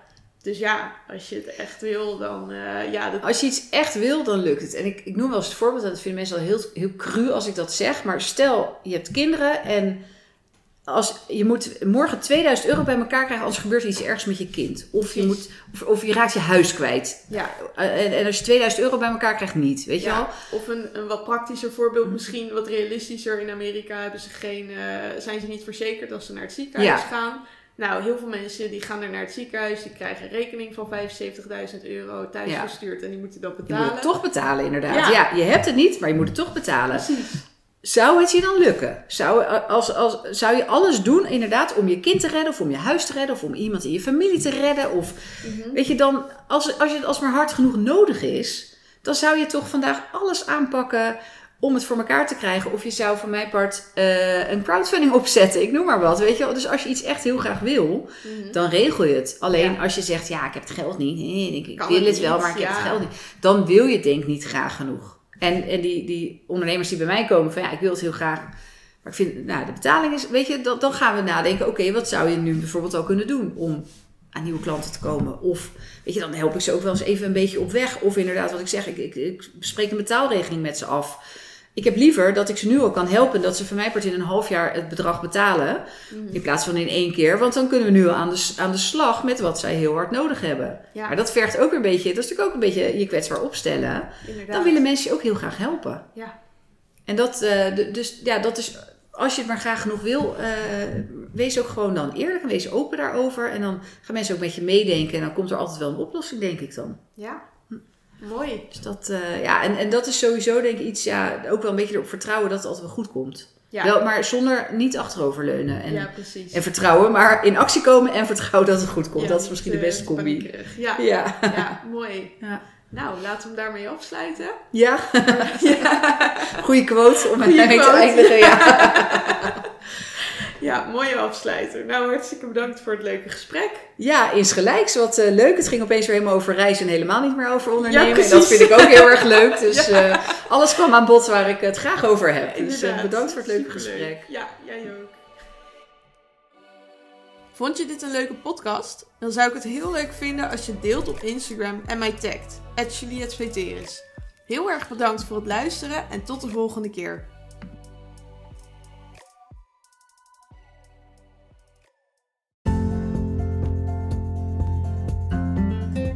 Dit was de Ondernemerspodcast. Bedankt voor het luisteren.